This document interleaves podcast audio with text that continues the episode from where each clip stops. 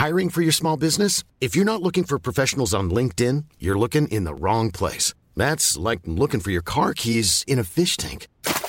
LinkedIn helps you hire professionals you can't find anywhere else, even those who aren't actively searching for a new job but might be open to the perfect role. In a given month, over 70% of LinkedIn users don't even visit other leading job sites. So start looking in the right place. With LinkedIn, you can hire professionals like a professional. Post your free job on linkedin.com slash people today.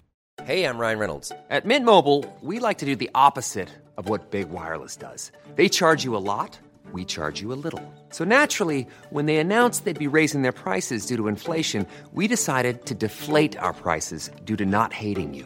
That's right. We're cutting the price of Mint Unlimited from $30 a month to just $15 a month. Give it a try at mintmobile.com slash switch. $45 upfront for three months plus taxes and fees. Promo rate for new customers for limited time. Unlimited more than 40 gigabytes per month. Slows. Full terms at mintmobile.com.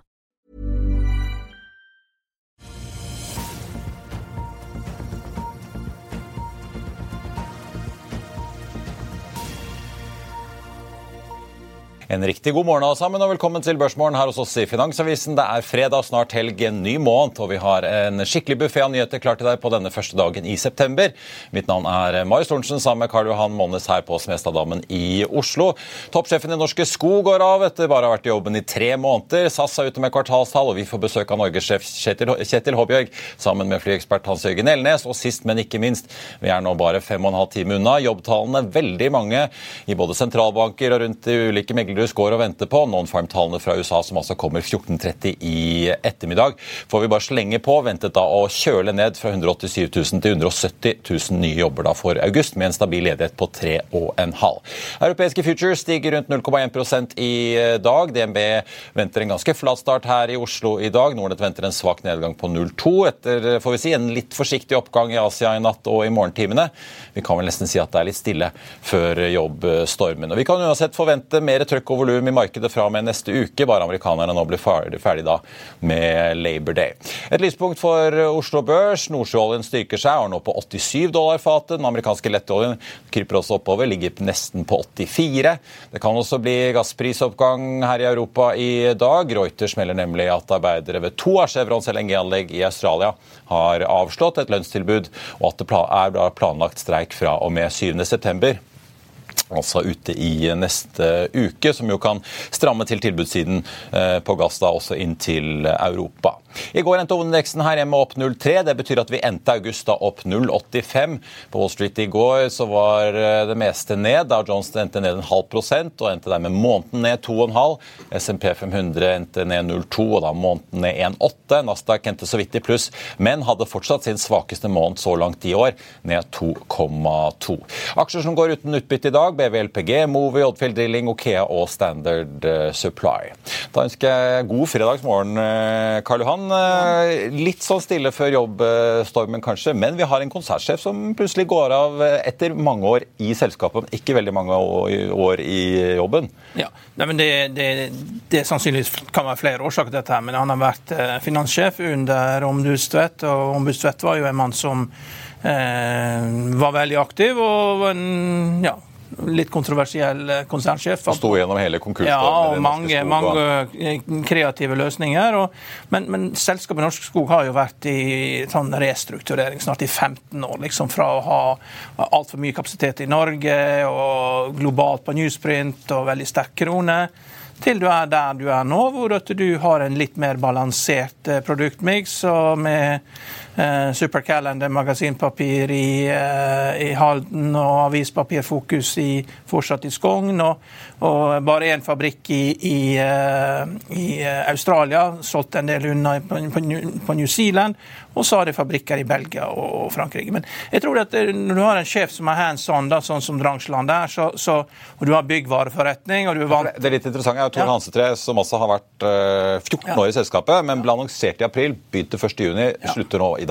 Ja. Uh, han ble erstattet av Geir Drangsland, som via Byggma eier 25% av uh, Norske Skog, så det er jo egentlig en av storeierne som kommer inn som sjef. Ja, han, og, og han, vant, han, har jo gjort Byggma-kjeden veldig store suksessrik. ikke sant? Og da da er, sant, da er, det å selge totom-firtom-planker og lister og, og, alt dette her. Du har full kontroll på dette her varemiksen, og du har hatt medvind i 20 år.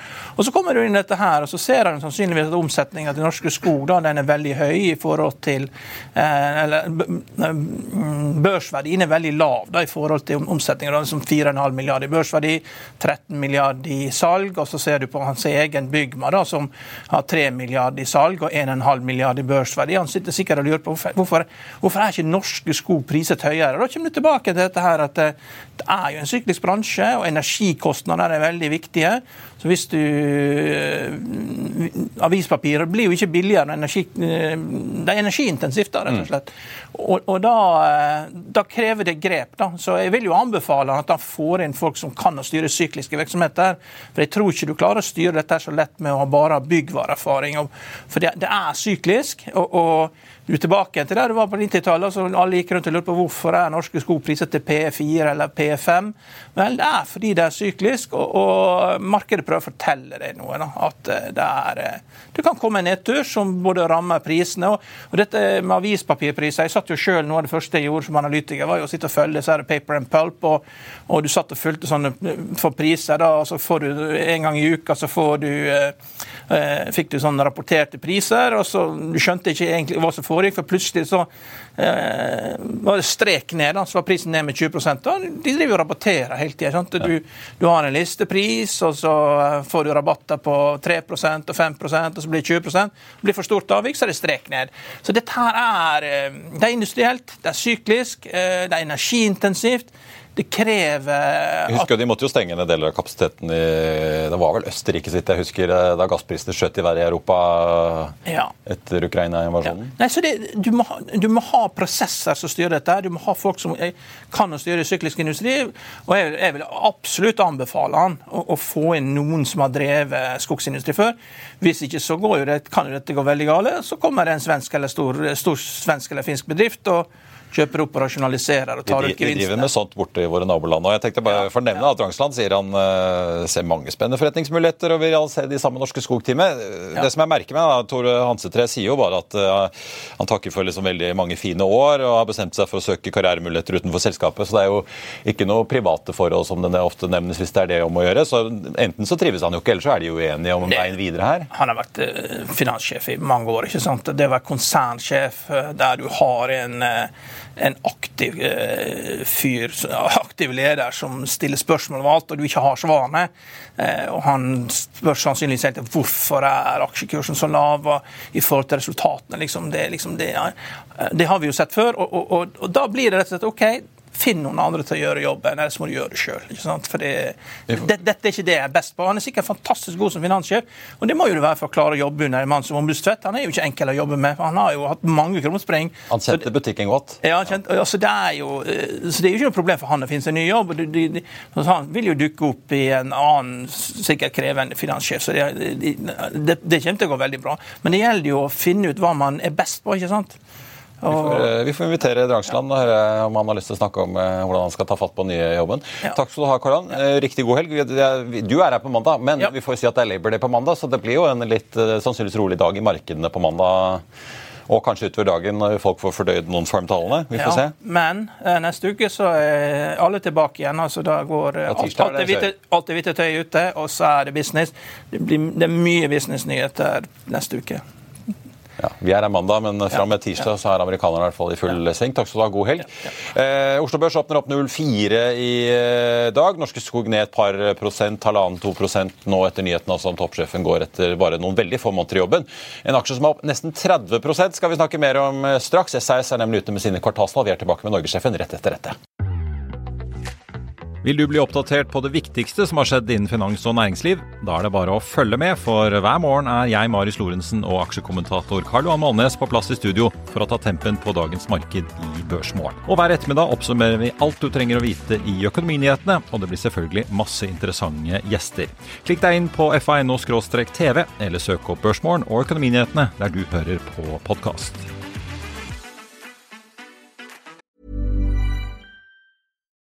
Millions of people have lost weight with personalized plans from Noom, like Evan, who can't stand salads and still lost 50 pounds. Salads, generally, for most people, are the easy button, right? For me, that wasn't an option. I never really was a salad guy. That's just not who I am. But Noom worked for me. Get your personalized plan today at Noom.com. Real Noom user compensated to provide their story. In four weeks, the typical Noom user can expect to lose one to two pounds per week. Individual results may vary. I'll see you in court. Vi sier det ofte litt på spøk, men for deg som driver business, er det aldri moro å innse at du ikke har laget en 100% gyldig kontrakt. Du bør ikke risikere hele firmaet ditt fordi du synes dette med kontrakter er litt stress. En avtale er ikke en avtale. Du kan miste kunder, miste venner, ja, til og med miste inntekter om du ikke lager en skikkelig kontrakt, på alt mulig, egentlig. Men vi vet det er et styr. Kopimaskiner, tregprinter og haugevis av papir. Dessuten stoler vi jo på folk her i landet. Det er ofte litt kleint å skulle be om en signatur for alt mulig, ja, for mye av styret handler også om jakten på underskriften.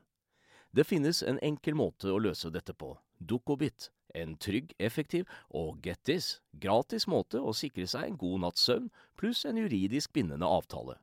Dukkobit-appen har de strengeste sikkerhetskrav i bunn, samt en EU-godkjent og sertifisert teknologi. Framover vil det bli behagelig å spørre du, skal vi skrive under på det, eller? Kom i gang på dukkobit.no.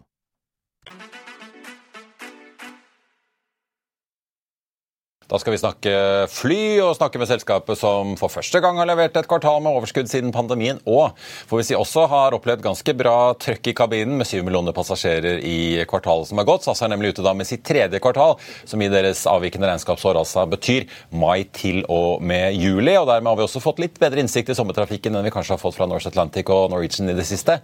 Og det må jo kjennes godt etter all elendigheten gjennom pandemien, Kjetil Håbjørg, Norges sjef og konserndirektør i SAS, å endelig kunne levere pluss på bunn. Ja, det er veldig positivt. Vi leverer et positivt resultat for tredje kvartal. 460 millioner. Vi har flere passasjerer enn vi har hatt på veldig veldig lenge.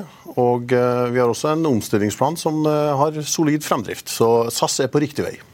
Men hvordan ser det ut nå? Eh, fordi Summerer man opp, så har dere tapt nærmere 4 milliarder siden november. Så dere er jo fortsatt i en ganske krevende situasjon. Kan du si litt om hvordan Nå har du åpenbart har fått med det meste av sommertrafikken, gitt at vi har med juli. Vi har fortsatt augusttallene og, og selvfølgelig da høstferie september å vente på. Men hvordan tror dere nå sommeren vil lande? sånn blir dette en, uh, en normal sommer som i 2019, liksom? Ja, dette blir en god sommer. Ja. Uh, og uh, vi har sett en veldig positiv trend på, på booking, og det fortsetter utover høsten. Så, så, så vi, vi, er positivt overraska over, over utviklinga og, og, ser at det er etterspørsel etter reiser. Folk ønsker å ut og oppleve verden. Og, og ja, vi har flere reisende enn vi har hatt siden pandemien starta. Eh, kabinfaktoren eh, nesten 82 da i snitt, eh, opp litt fra i fjor. Men jeg tenkte jeg, jeg måtte nesten gå tilbake til 2019, da, siden man ser litt sånn historisk på dette. her. Omsetningen deres endte jo på 13,1 milliarder. Det er omtrent der dere lå før pandemien. Men selv om dere da har snudd fjorårets underskudd på 2 milliarder til nå pluss, så, så hadde dere jo halvannen milliard på bunnlinjen da før skatt i 2019. Nå er det en snaue 500 millioner. Er det noe spesielt som gjør at man ikke klarer å levere det samme som man gjorde nå? Er det kostnadene ved restruktureringen? Er det andre ting som gjør at uh, det er like mye penger inn, eller i hvert fall penger igjen, da, for å si det sånn. Ja, Det er en kombinasjon av flere ting. vil jeg si. Det ene er uh, restruktureringa og prosesskostnader knytta til det. Det har vi vært åpne på. Det er også sånn at vi i denne chapter 11-prosessen ikke kan bokføre en del av de forbedringene vi gjør, før det, vi er ute av det, slik at det også påvirker tallene. Men jeg tror det viktigste uh, forskjellen fra 2019 er jo at markedet har endra seg. Vi ser jo annen, et annet marked nå, hvor forretningsreisende er noe mindre, mens, mens fritidsreisende er noe mer. og Det betyr at F.eks. At, vi reiser, at vi har lengre flyturer enn vi hadde tidligere, slik at dette også påvirker eh, selskapet. Og Det er da den omstillinga som SAS eh, nå er midt inne i, og som vi har eh, gode ambisjoner om å komme oss ut av lønnsomt. Eh, snakk litt om hvordan driften har vært i sommer. Litt anekdotisk hører jeg fra mange at eh, de opplever at de har fått mye altså vettlig som dette på fagspråket, da, eller altså innleide fly, rett og slett. At det ikke er SAS-fly, men partnere av dere som opererer flighten. Ja. Geir Karlsen, sjefen i Norwegian, sto og skrøt at uh, jeg kan i hvert fall si for første gang på mange år har de ikke brukt noe innleide fly denne sommeren. Har, har dere bommet litt på planleggingen av fly, crew, eller hva er det som gjør at uh, i hvert fall Det virker som passasjerene syns det er mye mer bruk av innleie enn før? Ja, det er riktig at vi har brukt innleie denne sommeren. Og Årsaken til det er at eh, vi øker produksjonen ganske kraftig fra mm, februar-mars og til sommeren i år. Og Det skyldes at etterspørselen etter å reise har vært så formidabel i år, og vi har ønska å tilby så mange kunder som mulig eh, å, å, reise med oss. og Derfor har vi valgt å, bruke innleie. og Så er det litt eh, variable eh, tilbakemeldinger på innleie. må jeg si. Noe har vært veldig bra også. Men det er klart at dette er midlertidige løsninger som vi ikke ønsker oss. Så For neste sommer så skal vi produsere eh, sjøl, slik at vi kan sikre den kvaliteten vi vet vi er, er kjent for. Vi skal komme til restruktureringen, men jeg vil bare høre på det. Gitt at dere tross alt er igjen, da, er det sånn at dere må holde mer igjen på hvor mye dere kan oppbemanne og på en måte satse og investere i en sommersesong fordi dere er i chapter 11, eller påvirker ikke det den daglige planleggingen av driften? Nei, Vår omstilling er jo konstruert sånn at vi opererer som normalt. Slik at uh, vi kan fly og tilby ruter. Og, det er ikke sånn at dommeren i USA hindrer deg fra å ansette piloter eller crew? Nei, det er det ikke. Uh, men samtidig så har markedet gått veldig mye opp denne sommeren. Det har vært ekstremt uh, mange som ønsker ut og reise da, og, og, og det har vært en utfordring for oss. det har det. Vi vet jo at drivstoff er dyrt om dagen. Det er mange brikker i spill her. Hva, hva er liksom det verste som kan skje dere nå utover høsten? Nei, Det er jo at uh, vi får eh, et annet marked uh, gjennom vinteren. Luftfarten er jo veldig syklisk. og Det er viktig for oss å, ha et tilbud som er attraktivt, men også at det er reiselyst gjennom vinteren. slik at Det er viktig for oss. Fuelprisen, altså Drivstoffprisen er også viktig for oss. Nå det, går den i helga retning akkurat nå, men, men, det er sånn som, som, påvirker selskapet mye. I tillegg til at vi, i likhet med mange andre flyselskap, har selvfølgelig eh, inntekter i lokal valuta og kostnader gjerne i dollar eller euro, slik at eh, også valutakurs påvirker oss. Det svir for dere som det svir for alle som skal til sydligere strøk eh, i Europa eller til USA. Det er riktig.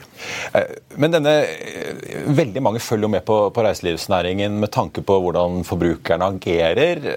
Nettopp fordi det virker som det har vært en sektor hvor på en måte folk har prioritert å bruke penger. Det er, liksom, det er ikke der man har spart inn. Man har spart inn på sykler, på XXL eller TV på Elkjøp. Mm. I Norwegian så sier de at ja, vi, vi har jo ikke noe visibilitet noe særlig lenger enn oktober-november, for så tidlig booker ikke folk i noe særlig volumer. Men så langt sier de, så ser de ingen tegn til at reiselysten avtar. Det, virker, det samme hvis du spør Norse Atlantic, hvis du ser på de amerikanske selskapene, så er det noe innenlands med fortsatt veldig høy interesse for å reise langdistanse. Ser dere noen tegn til noen reduksjon noe sted, eller er det foreløpig Nei, vi, er, vi er positivt overraska over utviklinga, og vi støtter at det ser ut som at man ønsker å ut og reise. og at man eh, ønsker å oppleve nye kulturer og alt det som har med reise å gjøre. Eh, og Det ser vi også fremover. Men det er også riktig å si at selv om vi gjennom pandemien har hatt ekstremt kort uh, fremforholdning, altså uh, bookingtider, da, så, så, er det noe bedre nå. Men vi vet ikke hvordan markedet ser ut gjennom vinteren. Det gjør vi ikke fullt ut. slik at uh, det gjenstår å se. Men vi er positivt overraska over trenden. Det er vi. Du, før vi snakker om eh, både klimagrep og Avinors problemer og mye annet, og får inn eh, også gjest nummer to her, så må jeg bare spørre deg eh, litt om denne chapter 11-prosessen. Den har jo dratt ut i tid. Dere opprinnelig trodde at dere kunne bli ferdig med dette her til sommeren og gjenoppstå med et nytt SAS, som vi har sett konkurrenten deres gjøre i en lignende prosess. Er det fortsatt eh, nå sånn at rundt nyttår tror dere kan bli ferdig med dette her, eller er det litt i det blå, egentlig?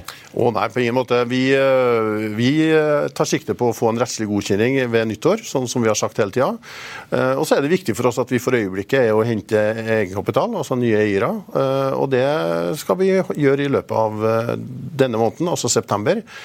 Hvilket er selvfølgelig en viktig milepæl i den planen. Men er det innhentingen av ny kapital? For dere har jo signalisert at dere vil hente inn rundt 10 milliarder svenske kroner pluss minus. Så får vi se hva fasiten blir. Men, men er det den, den, prosessen som har gjort at dette drar ut, eller Nei. er det flere brikker Nei. som gjør at uh, tidsplanen ikke har holdt? Nei, det, eh, Tidsplanen for innhenting av kapital den står fast. Det er 18.9. og I forbindelse med det så vil vi kommunisere i etterkant av det. Vi må prosessere det og håndtere det, men 18.9. det står fast. Men vi har fått 100 dager ekstra i etterkant av det for å forankre selve omstillingsprosessen og den rettslige godkjenninga av det. og Den vil da komme ved nyttår.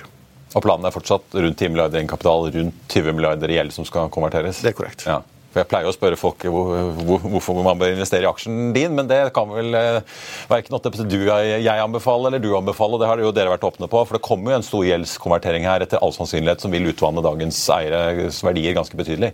Ja, og eh, man må lese prospekter og, og den kommunikasjonen nøye. Og så kan jeg jo si at Vi som ledelse er jo opptatt av å skape et lønnsomt SAS, og et, et SAS som skal konkurrere i et tøft marked. Eh, men med et godt nettverk og eh, et godt eh, lojalitetsprogram som, som er attraktivt både å investere i og, og bruke som kunde. Kan du si hvor, hvor mange av disse teamlightene dere føler at dere har i boks? Nei, jeg kan ikke kommentere det. Men jeg kan kommentere at det er god interesse rundt dette, og at vi vil eh, komme tilbake til markedet i, eh, løpet av september knytta til, til, akkurat innhenting av kapital. Vi er jo mange som er spent, gitt at danske staten har sagt seg villig, og amerikansk Apollo i hvert fall har muligheten til å delta. Det er korrekt. Vi får følge med.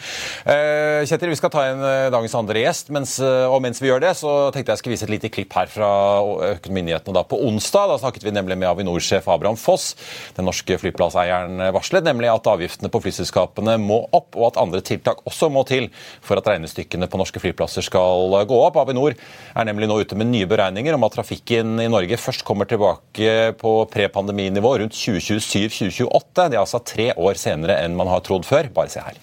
Før vi graver oss ned i detaljene her, eh, når var det dere skjønte at eh, regnestykkene for trafikken, deres inntekter, kostnader, ikke kom til å gå opp sånn som dere hadde trodd?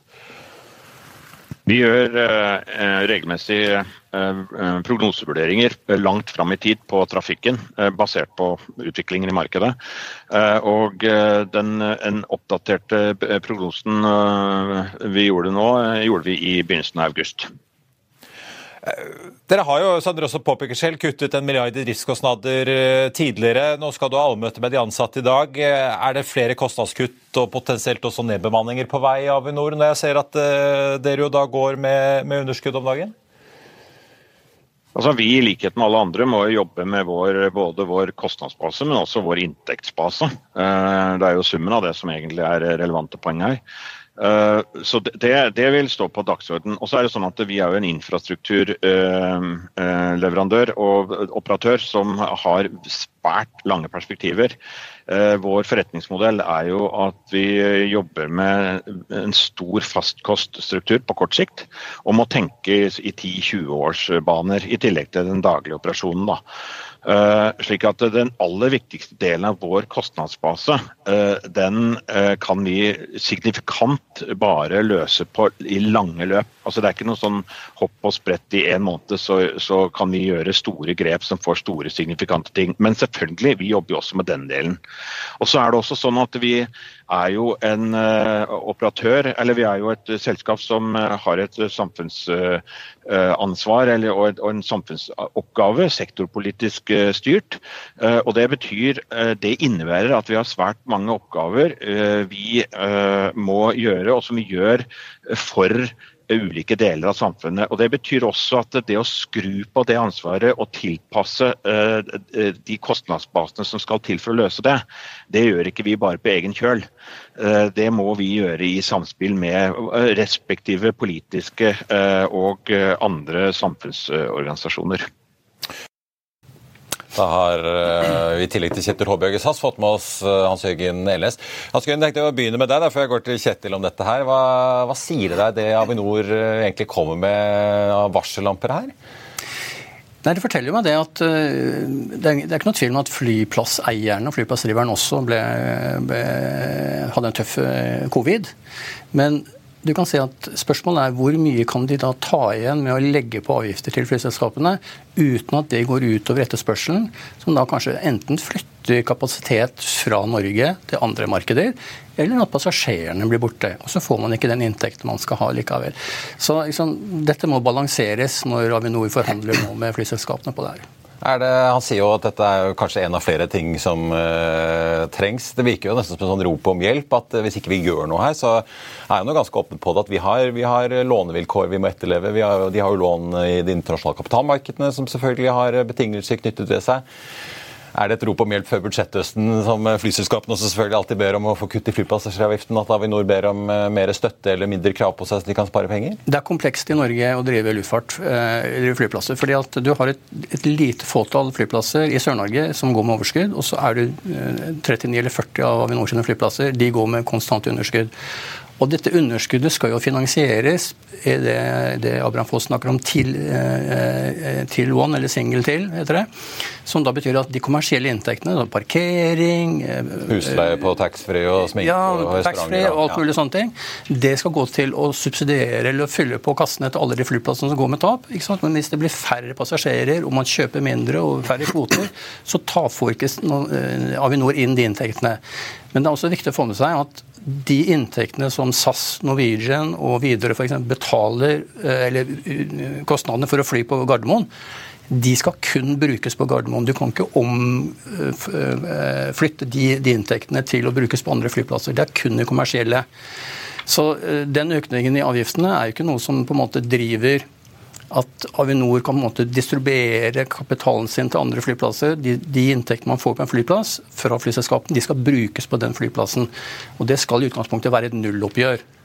Men det at Avinor nå skyver egentlig på denne prognosen sin med tre år på når de regner med trafikken er tilbake ved en slags normal, hva enn det er, men, egentlig, men, men da er man jo 2027-2028 kan man egentlig tenke at det kanskje aldri kommer tilbake, når de nå begynner å snakke om så lange tidshorisonter? Jeg, jeg hoppa litt i stolen når Abraham Foss kom med, med, med den prognosen. Jeg syns det var noe pessimistisk. Eh, da kan vi si at situasjonen sånn per i dag er at utenlandstrafikken den, den etter sommeren så stuper den ned, og den ligger nå nesten på, på 2022-nivå. Innenlandstrafikken er, er, nesten tilbake igjen på, på 2019-nivå. Så det er mange faktorer her som på en måte innvirker der. Men det vi ser i det store bildet, er at det skal være en årlig vekst globalt i flytrafikken og passasjerer på mellom 3,5 til 5 Eh, og Jeg tror ikke Norge blir noe sånn eh, utenomland eh, på det, så jeg syns det var vel pessimistisk. Kjetil, dere har jo også litt langsiktige prognoser internt, vet jeg. Også noe dere deler offentlig. Dere gjentar jo i dag at ja, dere regner med en minus 4-5 milliarder i EBIT i år. Neste år tror dere at det skalerer positivt. Hva tenkte dere da dere hørte Avinors nye prognoser på trafikken?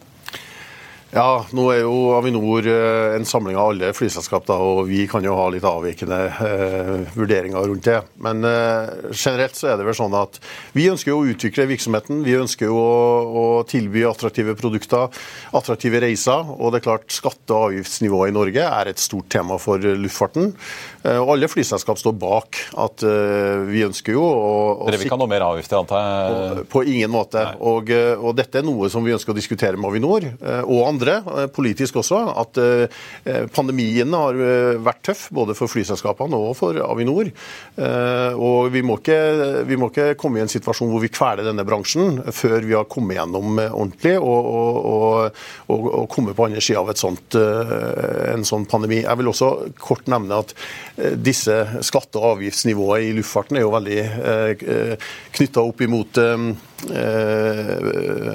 skatte- og avgiftssystemet til staten generelt. Og vi ønsker jo å, bygge opp fond og, hjelpe bransjen innovativt, slik at vi kan komme ja, i det grønne skiftet. Flypassasjeravgiftinntektene fra statsbudsjettet og heller få det inn til å kunne bruke på klimatiltak, biodrivstoff. Ja, ja. Det, det, er ingen tvil om at bransjen trenger hjelp for å komme gjennom det grønne skiftet. Delvis fordi at det er store investeringer som kreves, men også fordi at bransjen er veldig pressa etter en veldig, veldig tøff pandemi. Men altså, Mange norske bedrifter både innen reiselivet, men også de som bruker flyskapene for å komme seg rundt, uh, lurer jo nå kanskje på uh, kommer vi til å ha et like godt uh, nett og infrastruktur fremover.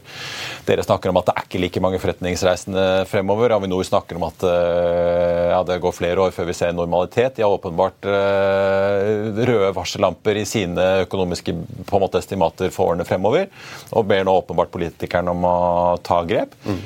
Er på en måte det luftfartssystemet vi har vært vant med i Norge, under press nå? At vi ikke kan ta det for gitt lenger? Definitivt. Vi kan ikke ta det luftfartssystemet for gitt. Og Her må vi finne gode løsninger sammen med Avinor og andre, slik at vi kan eh, sikre at vi kan eh, leve og, drive virksomhet over hele, over hele, Norge. Men det er klart det, det skjer mye samtidig nå. Eh, og i hvert fall er det SAS sin ambisjon at vi skal jobbe for at det skal være mulig å bo og drive virksomhet over hele landet, og koble dette til resten av verden gjennom våre samarbeidspartnere i Star Alliance og i andre sammenhenger. Altså, alt dette her, også På toppen så kommer det jo stadig økte altså Kvoteprisen i EU må vi jo regne med øker, som gjør det dyrere å fly. Norwegian-sjefen var jo nede i Arendal og, og, på en måte ropte ut det. Folk må jo få med seg at fra 2026 utover så begynner jo EU å slette kvoter som flyselskapene mottar gratis i dag. sånn at kostnadsbildet fra bunnen på, på klima vil også øke i årene fremover her. Kommer bransjen i en skikkelig skvis nå fremover? Det kan fort skje. Vi skal huske på det, det som Kjetil sier. I Norge så har vi altså en flypassasjeravgift som kommer på, i tillegg til det man betaler for å lande på flyplassene. Så har man en innenlands CO2-avgift. Så har vi i EU og EØS så har vi noe som heter ETS. Eh, Kvoteprisen, på en måte, ja. Og, og slippe ut ett tonn CO2 i dag koster ca. 90 euro per tonn. Og så er det jo sånn som du sa, at eh, Flyselskapene i dag har, som har, operert i mange år, har insentivordninger som gjør at de betaler bare en begrenset del av utslippene sine. Men fra 2026 er det ikke bare at da forsvinner alt. Da betaler du for de facto det du slipper ut. Og Da må vi også regne med at kvoteprisene øker, og det kommer til å slå hardt inn på liksom, de totale operative kostnadene til et flyselskap. Så skal vi prøve å kompensere dette med f.eks. med bærekraftig biofuel, eh, så man kan flytte 50-50 i, i, tanken i dag, men man, får man tak i det, eh, og det er kanskje tre til fem ganger dyrere per liter enn det vanlig fossilt drivstoff koster. Så det er mange ting som, som presser flyselskapene nå, som gjør at det blir mer kostbart å drive flyselskap. Eh, de store selskapene som er godt kapitalisert, som kan kjøpe fremtidskvoter med bærekraftig eh, og også eh, kvotesystem for utslipp av CO2, det er de som kan bli vinnerne. Og svake selskaper de er, er underveis kan bli spist opp som en del av konsolideringen i USA. Nei, i, i Europa. ja, Som vi har hatt det godt å vente på i mange år. Men dere jo, skal jo nå hente penger fra kapitalmarkedet. Hva sier dere til investorene om hva slags selskap de da egentlig investerer i? En ting er jo at dere prøver å bli kvitt masse gjeld og kutte kostnader og bli mer effektive, selvfølgelig. Men likevel, hva sier dere om det, den verden og den bransjen de tross alt skal sette pengene i. Da. Jeg antar jo at investorene tenker lenger enn bare 2024-2025. Ja, og dette er jo profesjonelle investorer, slik at det, det, er mennesker som har god kunnskap om dette. For SAS sitt ståsted så er det jo da viktig at uh, Hva er liksom selling points? Hva er det dere sier at så, dette, sånn skal vi liksom klare å, å liksom løse dette her og fortsatt tjene penger? Ja, vi har vår plan. Vi kaller den for SAS Forward. og Det er en kombinasjon av kostnadsreduksjoner, konvertering pluss eh, innhenting av, av kapital. Da. Når det gjelder gjelder skatte- og avgiftsområdet, så mener vi at det må tas et helhetsgrep. Og eh, Der må vi sammen med Avinor og politikere generelt se på hvordan dette skal håndteres fremover. Fordi det er riktig at det er en kombinasjon av dobbel virkemiddelbruk som virker mot sin hensikt. Og skruen skrus til. Og skruen skrus til. Eh, og vi har også særnorske skatte- og avgiftsløsninger som, som etter vår oppfatning da ikke har livets rett. Og dette må på agendaen.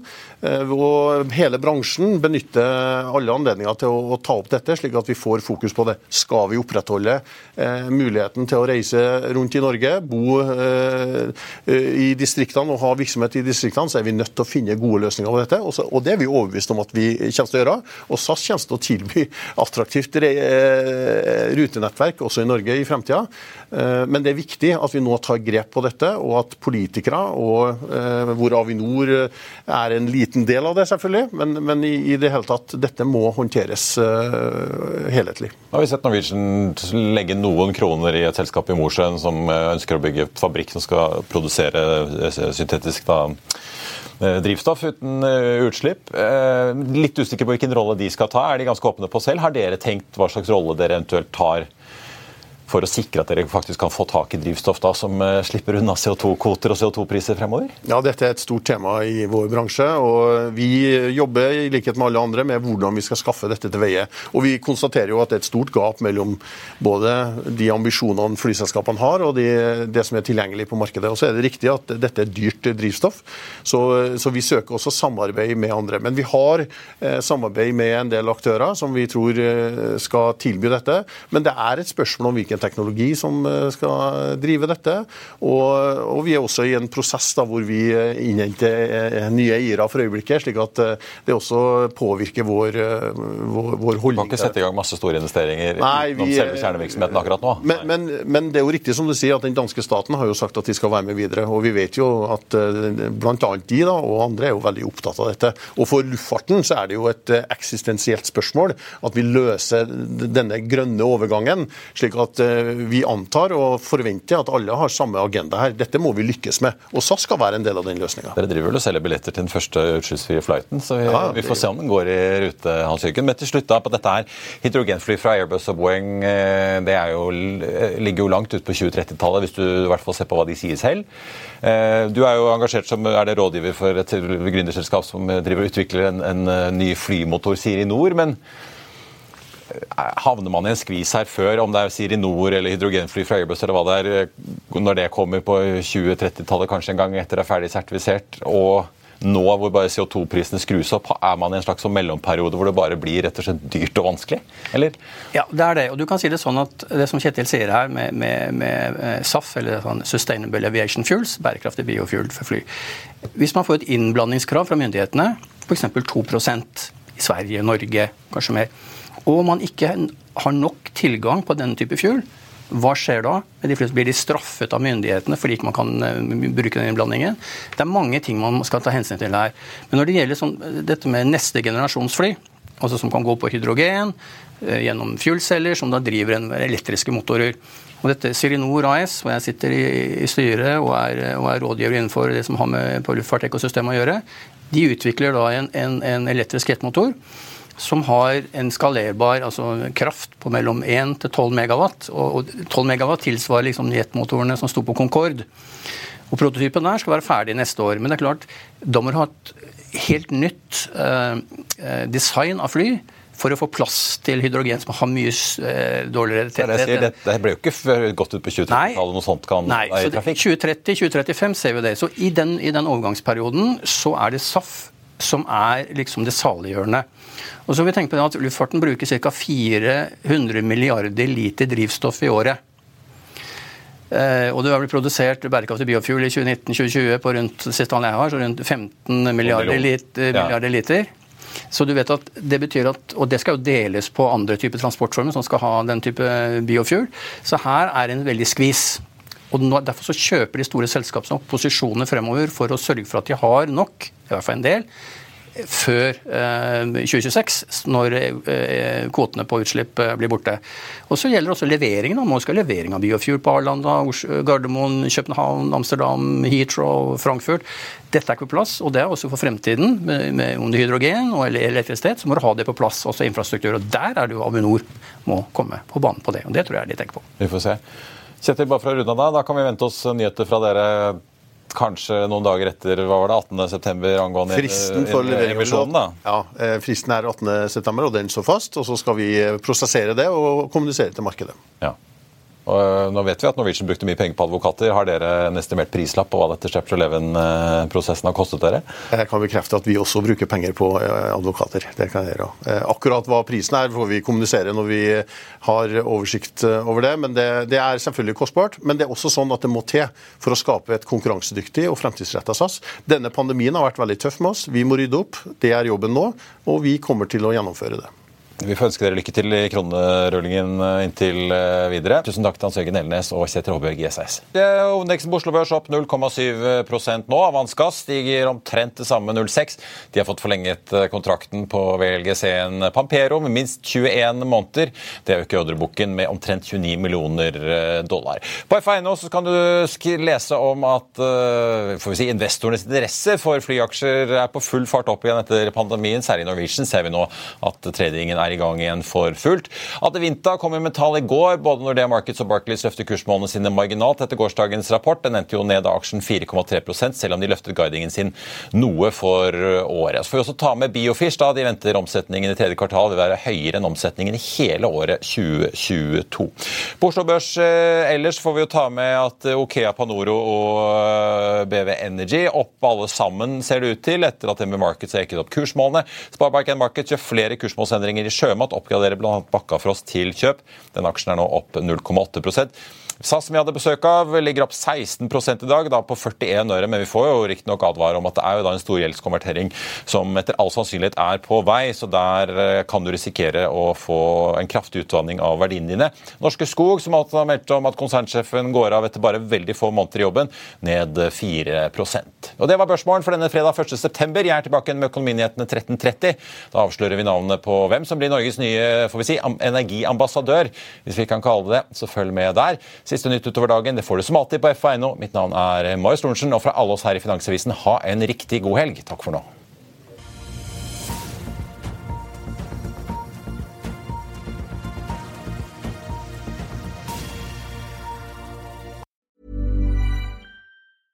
Want flexibility? Take yoga. Want flexibility with your health insurance? Check out United Healthcare Insurance Plans. Underwritten by Golden Rule Insurance Company, they offer flexible, budget friendly medical, dental, and vision coverage that may be right for you. More at uh1.com. Hey, it's Danny Pellegrino from Everything Iconic.